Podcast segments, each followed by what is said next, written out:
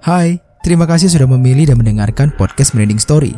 Saya Doni, akan menemani kamu dengan cerita-cerita horor pilihan atau cerita-cerita unik yang akan selalu membuat kamu merinding. Saya akan menceritakan itu semua buat kamu tentu saja dengan cara dan gaya khas saya sendiri.